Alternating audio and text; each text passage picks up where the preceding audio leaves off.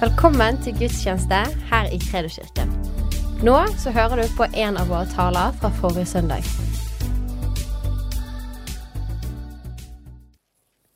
Godt med Guds ord, fordi at eh, det står at det er det samme.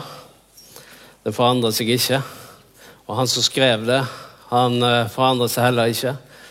Han eh, mente det han sa den gangen han sa det, og han mener det samme i dag. Og eh, Derfor er det så godt å la Guds ord vise vei. Og bygge livet sitt på Guds ord, det som han sier. Og eh, Så det her det er en viktig bok. Det er Guds ord. Yes. Eh, I dag så blir det snakk om å sette Gud først. Og det blir på forskjellig vis vi kommer inn på det, men det er spesielt på ett område som jeg vil snakke om det å sette Gud først. Og eh, det står slik i det første Vi, jo, vi kjenner til de ti bud. Og det første bud, vi begynner med det. Vi skal ikke ta resten, vi tar bare det første. Det holder i dag. Hva står det der? Du skal ikke ha andre guder enn meg. Det der er jo barnelærdom, det å, å eh, lære de ti bud. Men eh, eh, det er slik at eh, når, når, eh, når Gud gir oss disse instruksene om de ti bud, så er det for å hjelpe oss til å ha et bedre liv. Eh, fordi at Om vi holder de ti bud eller ikke, det endrer jo ikke på Gud. Det vet vi jo. Han er jo den samme uansett. Uansett hvordan vi oppfører oss, uansett om vi ber til han eller ikke ber til han. Det forandrer ingenting hos Gud. Så det som skjer, det er at når Gud får plass og rom hos oss, så skjer det noe med oss. Fordi han er den, i går og i dag den samme. Han er uforanderlig. Og eh, når det da står at eh, eh, du skal ikke ha andre guder enn meg, så er det fordi at eh, han vil ha førsteplassen. Det at det blir Gud alene, og så blir det Gud først. Det er det som ligger i, i disse ordene. Gud først og Gud alene. Og det å sette Gud fremst i våre liv, det handler om kjærlighet, lojalitet, prioritet. Det er at han, han vil ha den førsteplassen. Og hvorfor må han si det? Hvorfor må han i det hele tatt si det? Gi meg førsteplassen. Jo, fordi at slik vi er menneskets natur, det er at vi setter oss selv der. Vi setter oss selv på førsteplass. Og det er bare slik naturen er. vi, du vet, vi har et ego. Det er oss. Det er vi som er vårt ego. Og i sentrum for vårt ego, der er ikke Gud. Der er vi. Og derfor eh, er det bare slik at menneskenaturen den vil sette en ring rundt seg selv og være opptatt av oss selv. Men så kommer Gud og sier at du må sette meg først. Og med en gang så utfordrer han oss selv. Allerede i første bud så blir vi utfordra. Du skal ikke ha andre guder enn meg. Nei, men jeg tilber jo Gud. Jesus han er den jeg tilber. Ja, la, Vi skal se på det. Men i hvert fall så er det det at eh, vi har en tendens til å ta den plassen selv på ulike måter. Eller la oss eh, Eller at vi lar andre ting ta den plassen. Så skal vi se på Gud i våre liv, og så skal vi se litt på hvordan uh, han uh, kommer først. OK?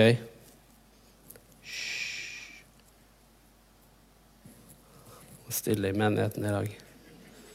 Det går helt fint, for jeg driver bare og varmer opp. Sånn at uh, vi tar det litt sånn rolig nå til å begynne med. Så, så Hvor ser vi at Gud kommer først? som vi nå sier på bønnerommet, i bibellesningen, i lovsangen, i gudstjenesten. Tenker vi, Alle disse plassene, der ser vi om Gud kommer først. Det er hvis jeg prioriterer disse tingene. Ja, det er viktige ting å prioritere. Og eh, det er med å bygge våre liv. Alt det som jeg nevnte nå, det er med å bygge livet vårt. Eh, men eh, faktisk så er det sånn at det han ser litt på, det er hvordan vi håndterer pengene våre. Det er der han sjekker oss først.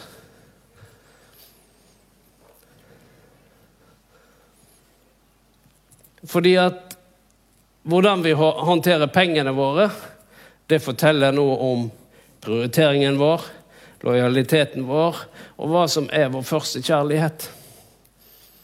Det kommer ikke utenom det.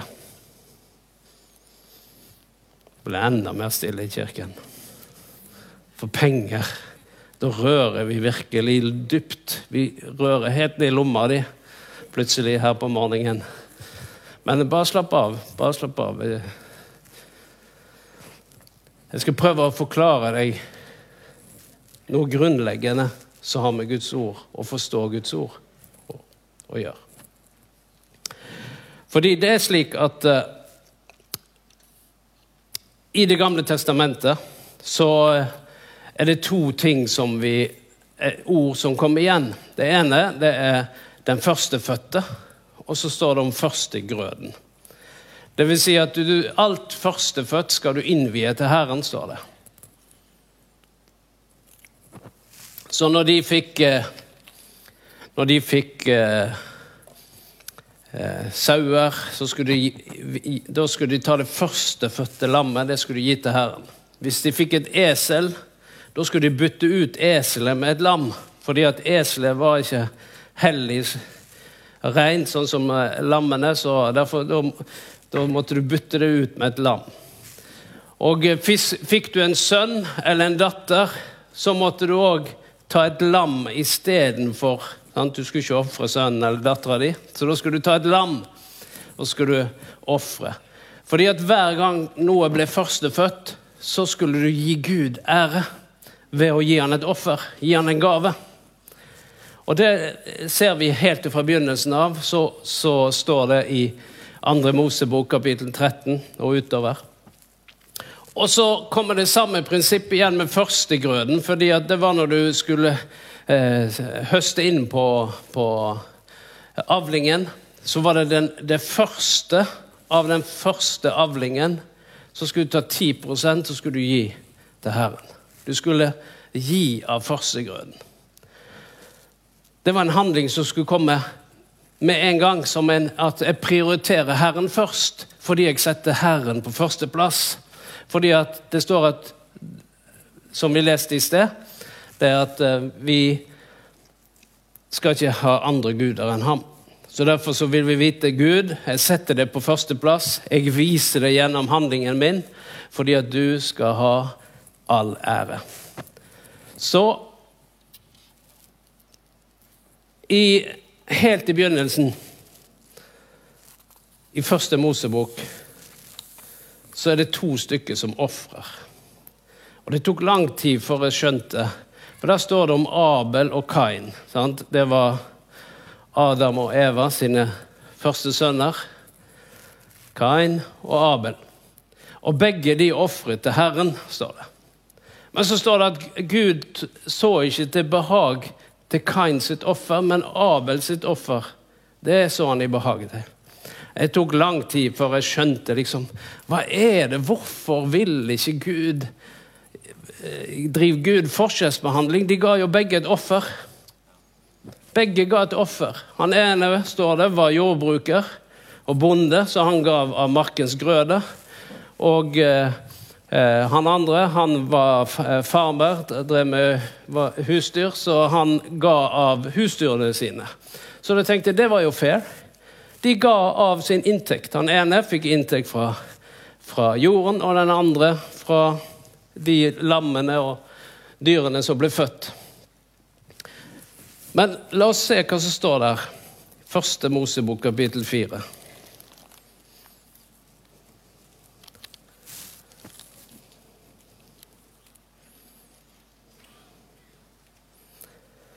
Vers 2. Så fødte hun igjen og fikk hans bror Abel, og Abel ble sauegjeter, men Kain ble jordbruker.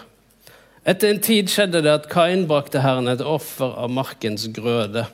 Abel brakte også et offer av det førstefødte av småføet sitt og av fettet på dem. Herren som er velbehag på Abel og hans offer, men på Kain og hans offer så han ikke med velbehag. Og da ble Kain meget vred og slo blikket ned. Så da kan vi tenke hm, Gud gjør forskjell på folk. Hvorfor så han ikke med velbehag til begge to som ofret? Nei, fordi det er en liten, men viktig detalj. Det står at etter en tid ga Kain et offer. Men så står det men Abel ga av det førstefødte. står det. Så plutselig så skjønner du at det, det hadde ikke noe med at de ikke begge ofret, men på hvilken måte de gjorde det. Så Kain han hadde begynt å spise han av frukten, og plutselig en dag han hadde spist seg mett, og han så at denne, å, den hagen her den gir jo gode, gode resultater. Så kanskje jeg skal gi en gave til Herren. Så et stykke ut på veien så fant han ut at nå gir jeg et offer til Herren. Mens Abel var det slik at det første han tenkte på når det første lammet ble født, før han visste hvor mye annet han fikk, hvor mange andre lam han fikk, hvordan dette kom til å gå Med en gang så tenkte han dette er det førstefødte. Jeg må gi det til Herren. Jeg må ofre til Herren. Så ser vi hvordan det var en viss forskjell. Og Derfor så var det ikke det at de ofret, men måten de ga på. Og det her kan vi se med en gang at det er faktisk et prinsipp i Guds ord. På det å sette Herren først. Så begynner det opp på hvordan vi gir. Så påvirker det. Så vi kan se det samme i første kongebok. Så kommer en gudsmann til en enke i Sarepta. Denne enken hun er tom for mat. Hun har én krukke med mel og olje igjen. Og hun har bestemt seg for at nå skal jeg og sønnen min vi skal spise den siste måltid her. Den siste, For det er alt vi har igjen. Og der kommer gudsmannen, profeten, og så sier han, 'Kan du lage en kake til meg?' Ja, men sier enken. Ja, men det går jo egentlig ikke, fordi at nå skulle jeg lage til meg og sønnen, så og skulle vi spise, og så skulle vi dø, for det er ikke mer mat. Og så sier profeten, ja, men hvis du gir til meg først, så kommer ikke melkrukken og ikke oljeflasken til å gå tom. Plutselig så står hun der på et valg. Skal jeg sette Gud først, eller meg og mine behov først? Og så valgte hun å gjøre det som profeten sa. Hun fulgte et guddommelig prinsipp og sa han, ja, jeg lager til deg først. Og Så gjorde hun det. Gikk inn, tok den siste dråpen olje, de siste mel Du kan lese om det i første kongebok 17. Eh, siste dråpe mel og, og, og, eh, og olje. Lagde en kake, steikte den, gikk ut. Og ga til gudsmannen, så han fikk spise. Og så gikk hun inn igjen. Tenkte nå skal vi se. Og så lenge det ikke regnet på jorden, så, står det, så gikk ikke melkrokken tom, og heller ikke oljen tom. Hvorfor det? Fordi hun fulgte den instruksjonen. Og det her, det, hvis, du, hvis, du, går gjennom Bibelen fra første bok, som vi nå begynte på, og gjennom hele boken, så ser du at det her er et prinsipp som følger. Uansett om det er i Det nye eller i Gamle testamentet, så følger det hele, hele veien. Fordi det handler om å sette Gud først. Så Nå har vi et punkt til. Gi tiende. Det er å sette Gud først og ære Han. Vi snakker jo ofte om at vi samler inn offer, gaver, tiende. Eh, det, men det er ikke så ofte vi snakker om det. sånn. Men nå kommer jeg til å bruke eh, denne formiddagen til å berøre dette med tiende et øyeblikk. Fordi dette med tiende det handler egentlig om å sette Gud først og ære Han. Og i ordspråkene 3, 9 og 10 så står det slik Gi Herren ære med det du eier, og med førstegrøden Der kom dette ordet igjen. Førstegrøden av hele din avling. Så kommer det et løfte. Det ligner på denne enken. Så skal dine lagerhus fylles til overflod, og dine vinkar skal flyte over av most. Så her kommer dette prinsippet igjen i ordspråkene. Gi Herren ære med det du eier, men ut av hva? Ut av førstegrøden. Altså det første du får inn. Det er ut av det du gir. Så begynner du der, og så gir vi Herren Hva er det vi gjør? Vi gir Herren ære, står det. Vi ærer Gud når vi gir til Han. Så ved å ta det første av vår inntekt, så kommer Han til å velsigne resten av vår inntekt. Det er egentlig det det står her. Hvis du tar og gir av det første av din inntekt, så skal jeg velsigne resten av din inntekt. Det er sånn fritt over, oversatt på det som står her. Og I Romerbrevet 11 så står det er førstegrøden hellig, er hele deigen hellig. Det er noe med at Guds velsignelse kommer over hele din økonomi, over alt det som eh, er din eiendom, det som er din inntekt. Det har noe med at Gud, Gud velsigner det. Fordi at du sier 'nå gir jeg til deg først'. Og det her det bryter med den menneskelige tankegangen. Fordi at hadde det vært opp til oss, så hadde vi sagt oss selv først. Det er derfor Gud faktisk må si det som et bud. At du må sette meg først. Og her er noen vi skal si, hvis, hvis, vi har kamp på noen områder, så kan det være akkurat på dette området her. Fordi å komme inn i Guds ordning når det gjelder det å gi, det, det er noe som en må jobbe seg igjennom. Og eh, da står det her å gi tiende, det er å sette Gud først og ære ham. Men det å gi tiende, det er også en handling i tro. Og i Malaki, som vi leser noen ganger, så står det slik at eh, vi skal bringe hele tienden til forrådshuset, så det finnes mat i mitt hus. Prøv meg på denne måten, sier Herren. Da skal jeg åpne himmelens luker og øse velsignelse utover deg i rikt mål. Så det Herren sier, du kan prøve meg på denne måten. Altså, gi meg 10% og test meg, sier han. Det er ikke ofte du finner i Bibelen at du skal teste Gud. Men på dette området så sier han dette her er en test. Du kan teste meg på å gi 10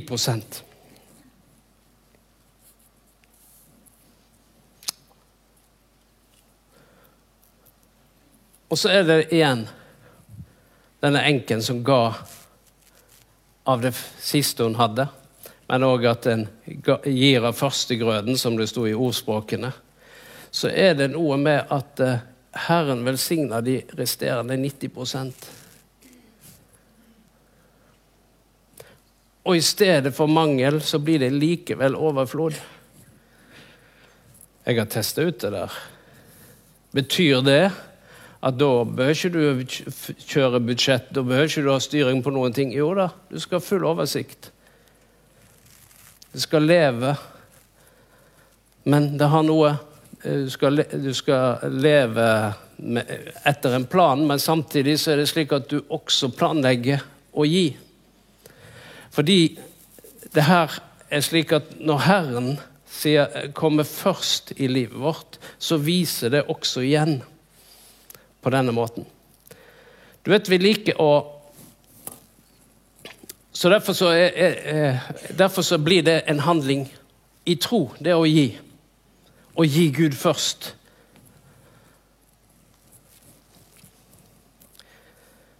Vi liker ofte å uh, sitere Matteus 6, 33. Søk først Guds rike og hans rettferdighet, så skal du få alt det andre i tillegg. Du har hørt det verset? To stykker som har hørt det. Dette må jeg sitere en gang til. Har du hørt det verset? Søk først Guds rike og hans rettferdighet, så skal du få alt det andre i tillegg. Plutselig så igjen så kommer dette ordet 'først'. Det er Jesus som sier det her. Den samme Jesus som vet hva det første bud sier, at du skal sette Herren din Gud først. Så sier han du skal søke Guds rike først. Så han kommer med samme instruks om prioritering. Det at det er noe du må sette før deg selv. Men ofte så siterer vi det verset uten å tenke på hvilken sammenheng det står i. Fordi hvis vi går til vers 24, så står det slik at ingen kan tjene Matteus 6, jeg glemte å si det. Matteus 6, 24.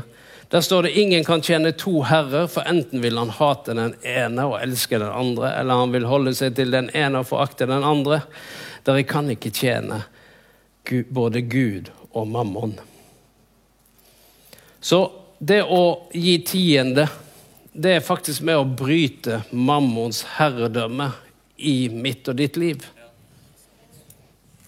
Og hva er det som er mammons herredømme? Da må vi forstå hvem denne mammon er. Altså Ordet mammon det oversettes kan òg oversettes med penger, rikdom og eiendom. Så mammon det har noe med dette verdens økonomiske eh, system, måten vi forholder oss til. Og plutselig her så sier Jesus at Altså Før han sier at du skal søke Guds rike først, så sier han at du kan ikke tjene både Gud og mammon. Én av de må ha førsteplassen. Begge kan ikke ha det. Det er det han sier. Og Derfor så avslutter han resonnementet utover i, i uh, Matteus 6 med at du må søke Guds rike først. Fordi at enten så vil mammon være din gud, eller så vil Gud være din herre. Så hva er det mammon lover? Altså pengene. Hva lover pengene oss? Det er interessant å se hva pengene lover oss. De lover deg trygghet. Hvis du har penger på konto, da kommer du til å være trygg. Hvis du er tom for penger, hvordan føles det å være tom for penger? Nei, det har jeg aldri opplevd, sier du. Helt ukjent for meg å være tom for penger. Er det noen som noen gang har vært tom for penger? Er det noen som har vært tom for penger før kredittkortenes tid? Er det noen som har vært tom for penger før svigerfars tid?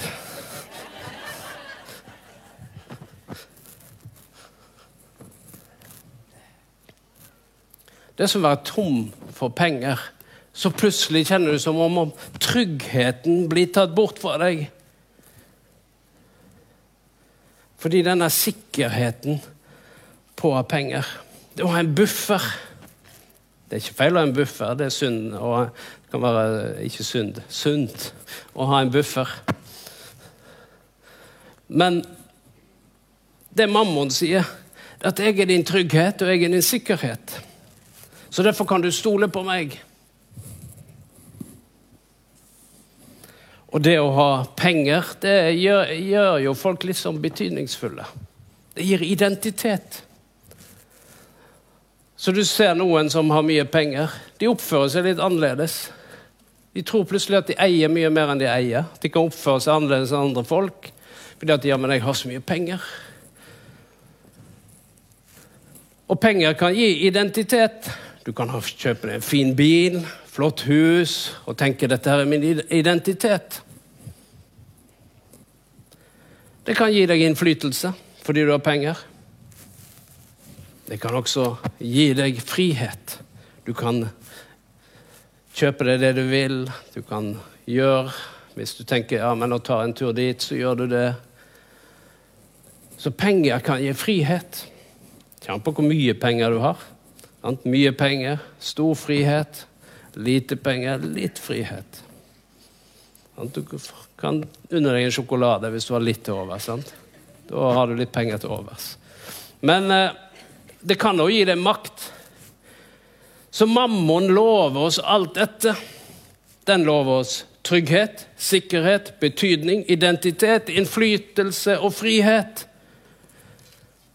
Så det mammon sier, det er at jeg tar hånd om deg, og du kan stole på meg.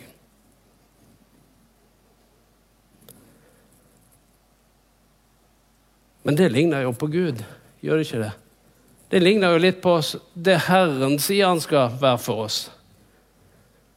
Er det sånn at mammon plutselig har tatt Gud sin plass? Og Derfor så er det ikke han som får først, fordi at først må jeg betale strømregningen. Og først må jeg betale banken, og først må jeg betale skatten. Det er det at vi har mer, vi har mer frykt for skattevesenet enn for Herren. Nå skal vi ikke betale vår skatt? Det var ikke det jeg sa. Jeg bare sa at uh, Vi passer på å betale strømregningen, for tenk om de skrur av strømmen. Ja, tenk hvis Herren skrur av strømmen. Det må være mye verre. Da er du død. Og han gjør ikke det. Bare slapp av.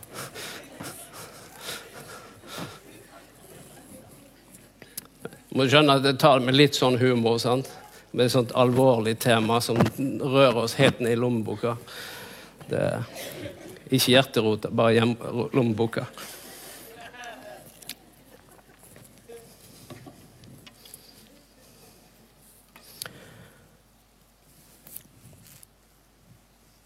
Så det mammon sier Du må huske at jeg kommer først. Jeg er din første prioritet. For først må du betale alle regningene dine. Og så må du passe på at du har mat på bordet. Og, så, og hvis det er noe til overs, da kan du gjøre som Kain. Gi en gave til Herren. Et lite offer der. Sant? Det var et par gulrøtter igjen. Så de gir vi til Herren. Sant? Når du har spist opp til alt det andre gode, så var det to gulrøtter. Ok, Herre, du får disse gulrøttene. De er til deg. For det var det, det var det, som var til overs. Beklager, Herre, men det er et offer. Og så, lurer, og så ble Kain sur fordi at Gud ble sur på offeret. Nei, fordi han ikke likte offeret. Nei, men det var fordi han hadde putta Gud nederst i siste rekke, og ikke først. Mens Abel han satte han først og sa at det første lammet jeg får, det gir jeg til Herren.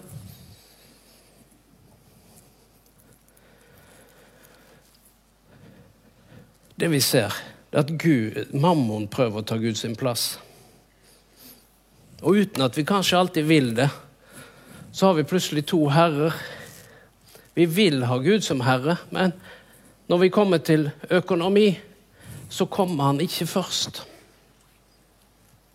Han kommer lenger bak i rekken.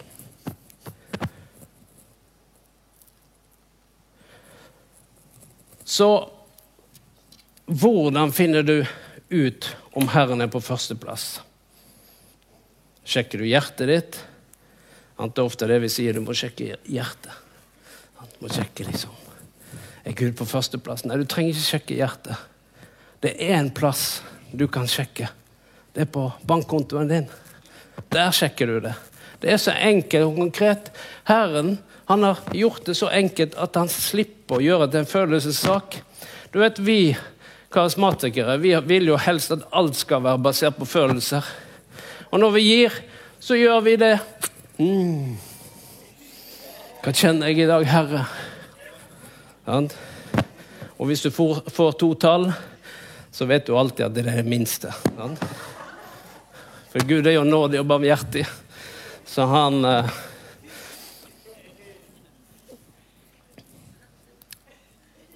Men Herren har gjort det så enkelt for oss. Han har gjort det konkret, og så har han gjort det likt for alle. For 10% er likt for alle. Du er klar over det? Uansett hvor mye inntekt du har, så er 10% 10 Noen de tenker at ja, men jeg tjener så mye, så da blir 10% så veldig mye. Nei, det er ikke det. Det er 10% Det er akkurat likt. Så Herren, han er så konkret. Han sier det, det, det er likt for alle. Og du er lett å finne ut. Og Derfor sier du kan bare sjekke kontoen din, for der ser du prioriteringen. Og hvis du på kontoen din da aldri finner tiende, så skjønner du at her må jeg gjøre en omprioritering. Jeg må faktisk putte, putte Gud på førsteplass igjen. For jeg gir litt sånn i ny og ne, ettersom det passer. Men det handler om det første du kan gjøre når du får lønn. Vet du hva det er? Gi til Herren. La det være første prioritet. Ikke la det bli sånn at ja, først betaler jeg den regningen, så den regningen, og så den regningen. Ja, men jeg har autoavtale. Avtaleski, og det ryker alt med en gang. Ja, men vi må rigge oss selv slik at uh, vi alltid ser at det er rom for å gi til Gud det som han fortjener. Og ære Gud med det. Så det at Gud får førsteplass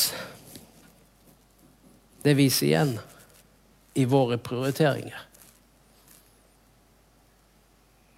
Og så enkelt er det faktisk. Behøver ikke gjøre det til en følelsessak. Behøver ikke gjøre det til noe innviklet. Det er så enkelt at det er for enkelt. Fordi det er veldig avslørende når det er så enkelt. For da ser du med en gang hvis, uh, ikke, hvis, hvis Gud ikke viser igjen på kontoen. For det er det det egentlig handler om om Gud viser igjen en eller annen plass på kontoen din. Og hvis du aldri finner Gud, hvis du går igjennom desember, november, oktober Oi, der dukker han opp i september. Oi, oi, så fint.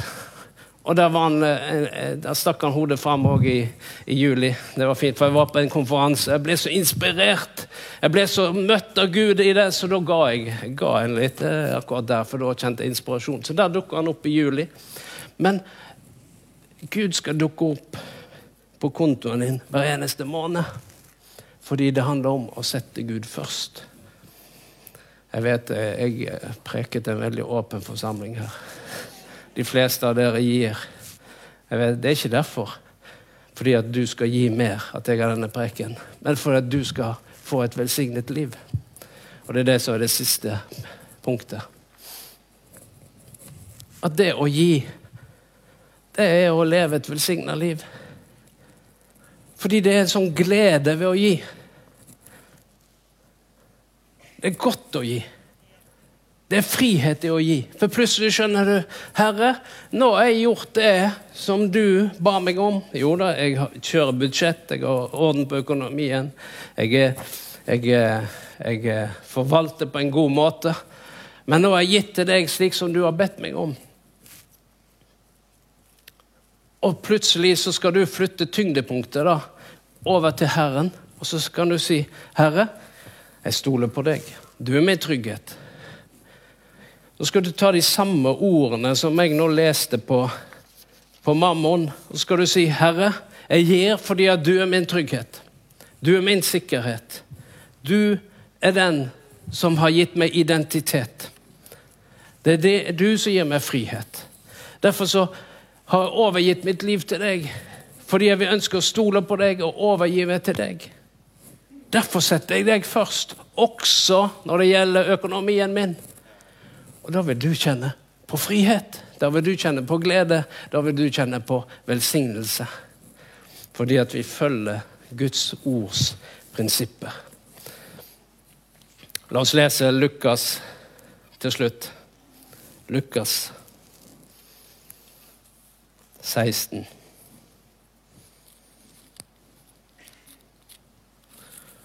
Lukas 16.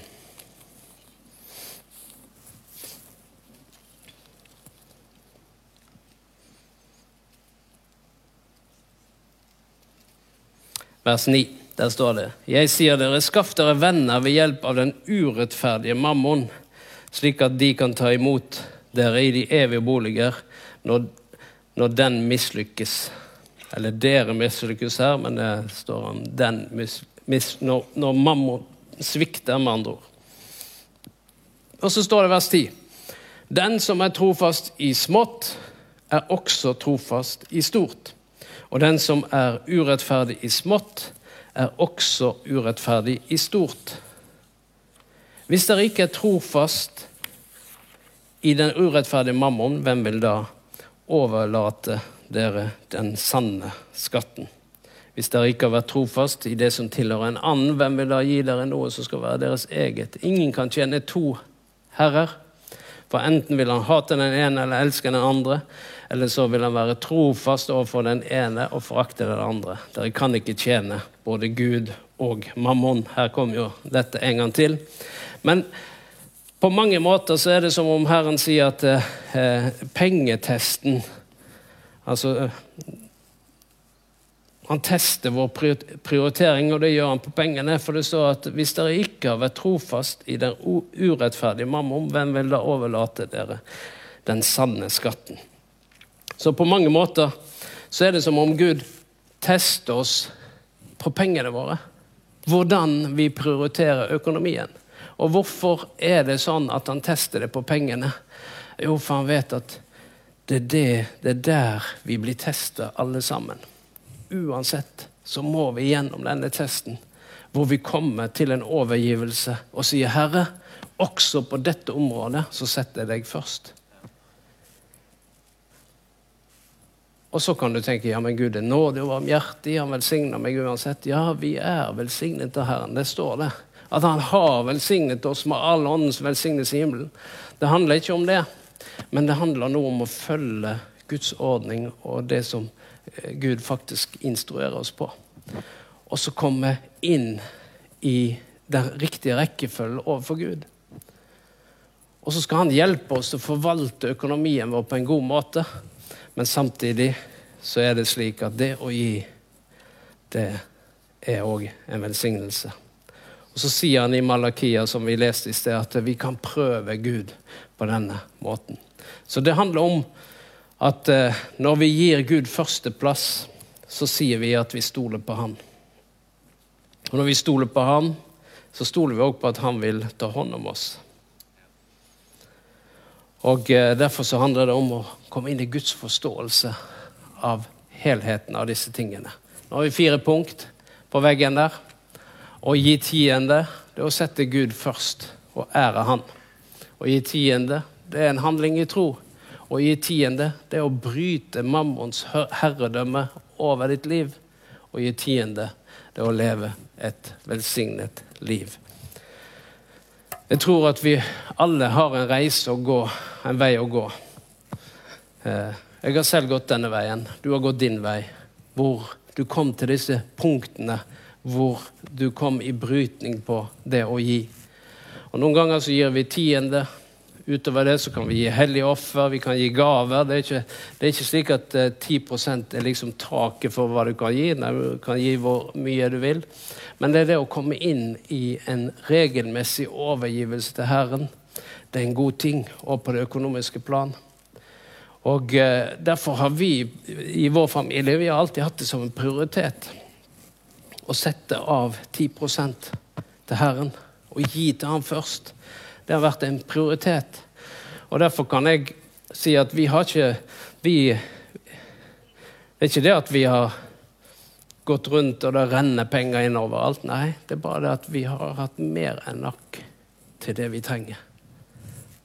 Fordi at Herren har velsigna. Til og med i trange tider så har vi valgt å gi. For vi har òg hatt trange tider. Når vi kom til Bergen her, så var det trange tider. Det var rett etter krekket på slutten av 80-tallet.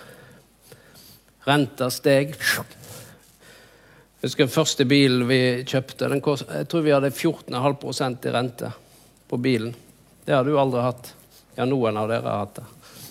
Huslånet, det lå på, på 8 tror jeg.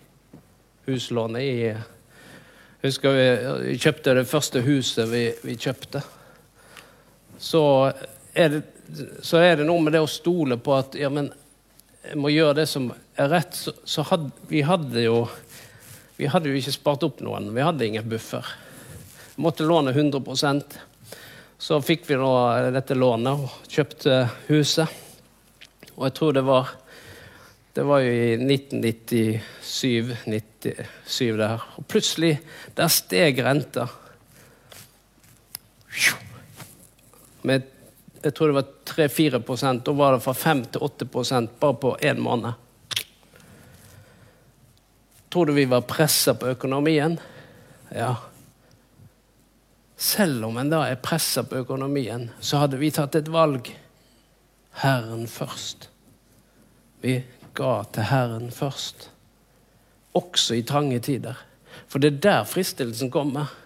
Det er ikke noe fristelse å gi når du har overflod. Fristelsen til å ikke gi, det er i trange tider. Men det å innrette økonomien sin Så vi levde sparsommelig og enkelt på den tiden.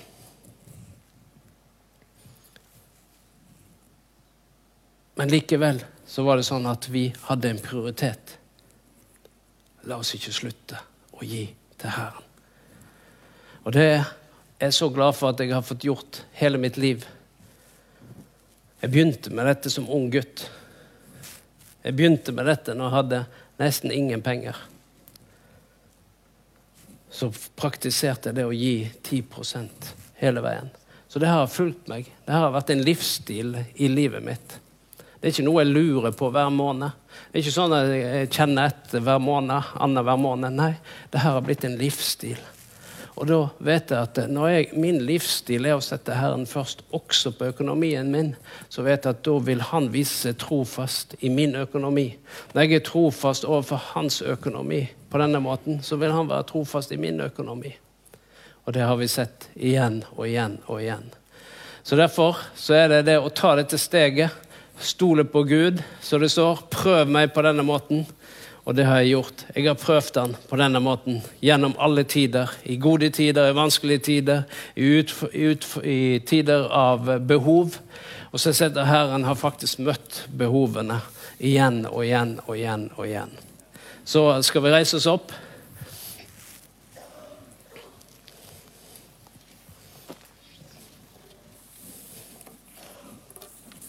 Du vet Det som jeg snakker om i dag, det treffer oss hele gjengen. Er ikke det litt herlig? At ingen slapp unna. Jeg er nesten helt sikker på, jeg vet ikke føle i dag, bare kjenner at jeg snakker til alle her i dag. Fordi at vi har alle penger som vi lar oss Som, som er en del av livet vårt. Men det å, å, komme inn i frihet i forhold til det, det er en god ting. Fordi en dag så kan det være at Herren faktisk òg ber deg om å gi bort noe. Gi bort en ting. Gi bort noen penger. Husker en eh, kar han hadde fått en bil en gang. Herren hadde velsigna han med en bil. Og så kjørte han rundt i denne fine bilen og var stolt av den Herren har. Og plutselig en dag så sier Herren, du må gi bort bilen din, sa han. Og så svarer han med en gang at Skal jeg gi bort bilen min? sier han liksom. Og så opplever Herren sier, har du noen bil? Det var jo ikke hans bil, det var jo Guds bil. Han hadde jo fått det av Herren. Og nå sier Herren nå er det på tide å gi ham videre. Og noen ganger så er det sånn at uh, vi ønsker å ha full kontroll på livet vårt. Plutselig kommer Herren inn og så utfordrer han oss på å gjøre noe som gjør at vi ikke har helt kontroll. Det er faktisk litt deilig. Veldig ubehagelig, men det er litt deilig òg. Fordi da er det som Herren sier. Vet du hvorfor jeg gjør dette? Fordi jeg vil at du skal være fri. Jeg vil at du skal være fri, også på det økonomiske planet. Og det lille han ber oss om, det er faktisk å begynne med denne tienden og være lojal og si at jeg tar førstegrøden av inntekten min, og så avsetter jeg disse 10 og så gir jeg til Herren først, fordi han skal ha førsteplassen i livet mitt. Og så demonstrerer du det hver eneste måned innenfor Gud, innenfor deg selv og innenfor makter og myndigheter. Da må mammon stå der og glane. For han vil jo ha styringen.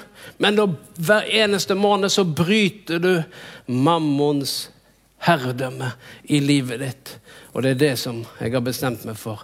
Mammon skal ikke få styre i mitt liv eller få herredømme. Jeg skal bryte denne herredømmet hver eneste måned. For hvis vi gir etter, så tar han over.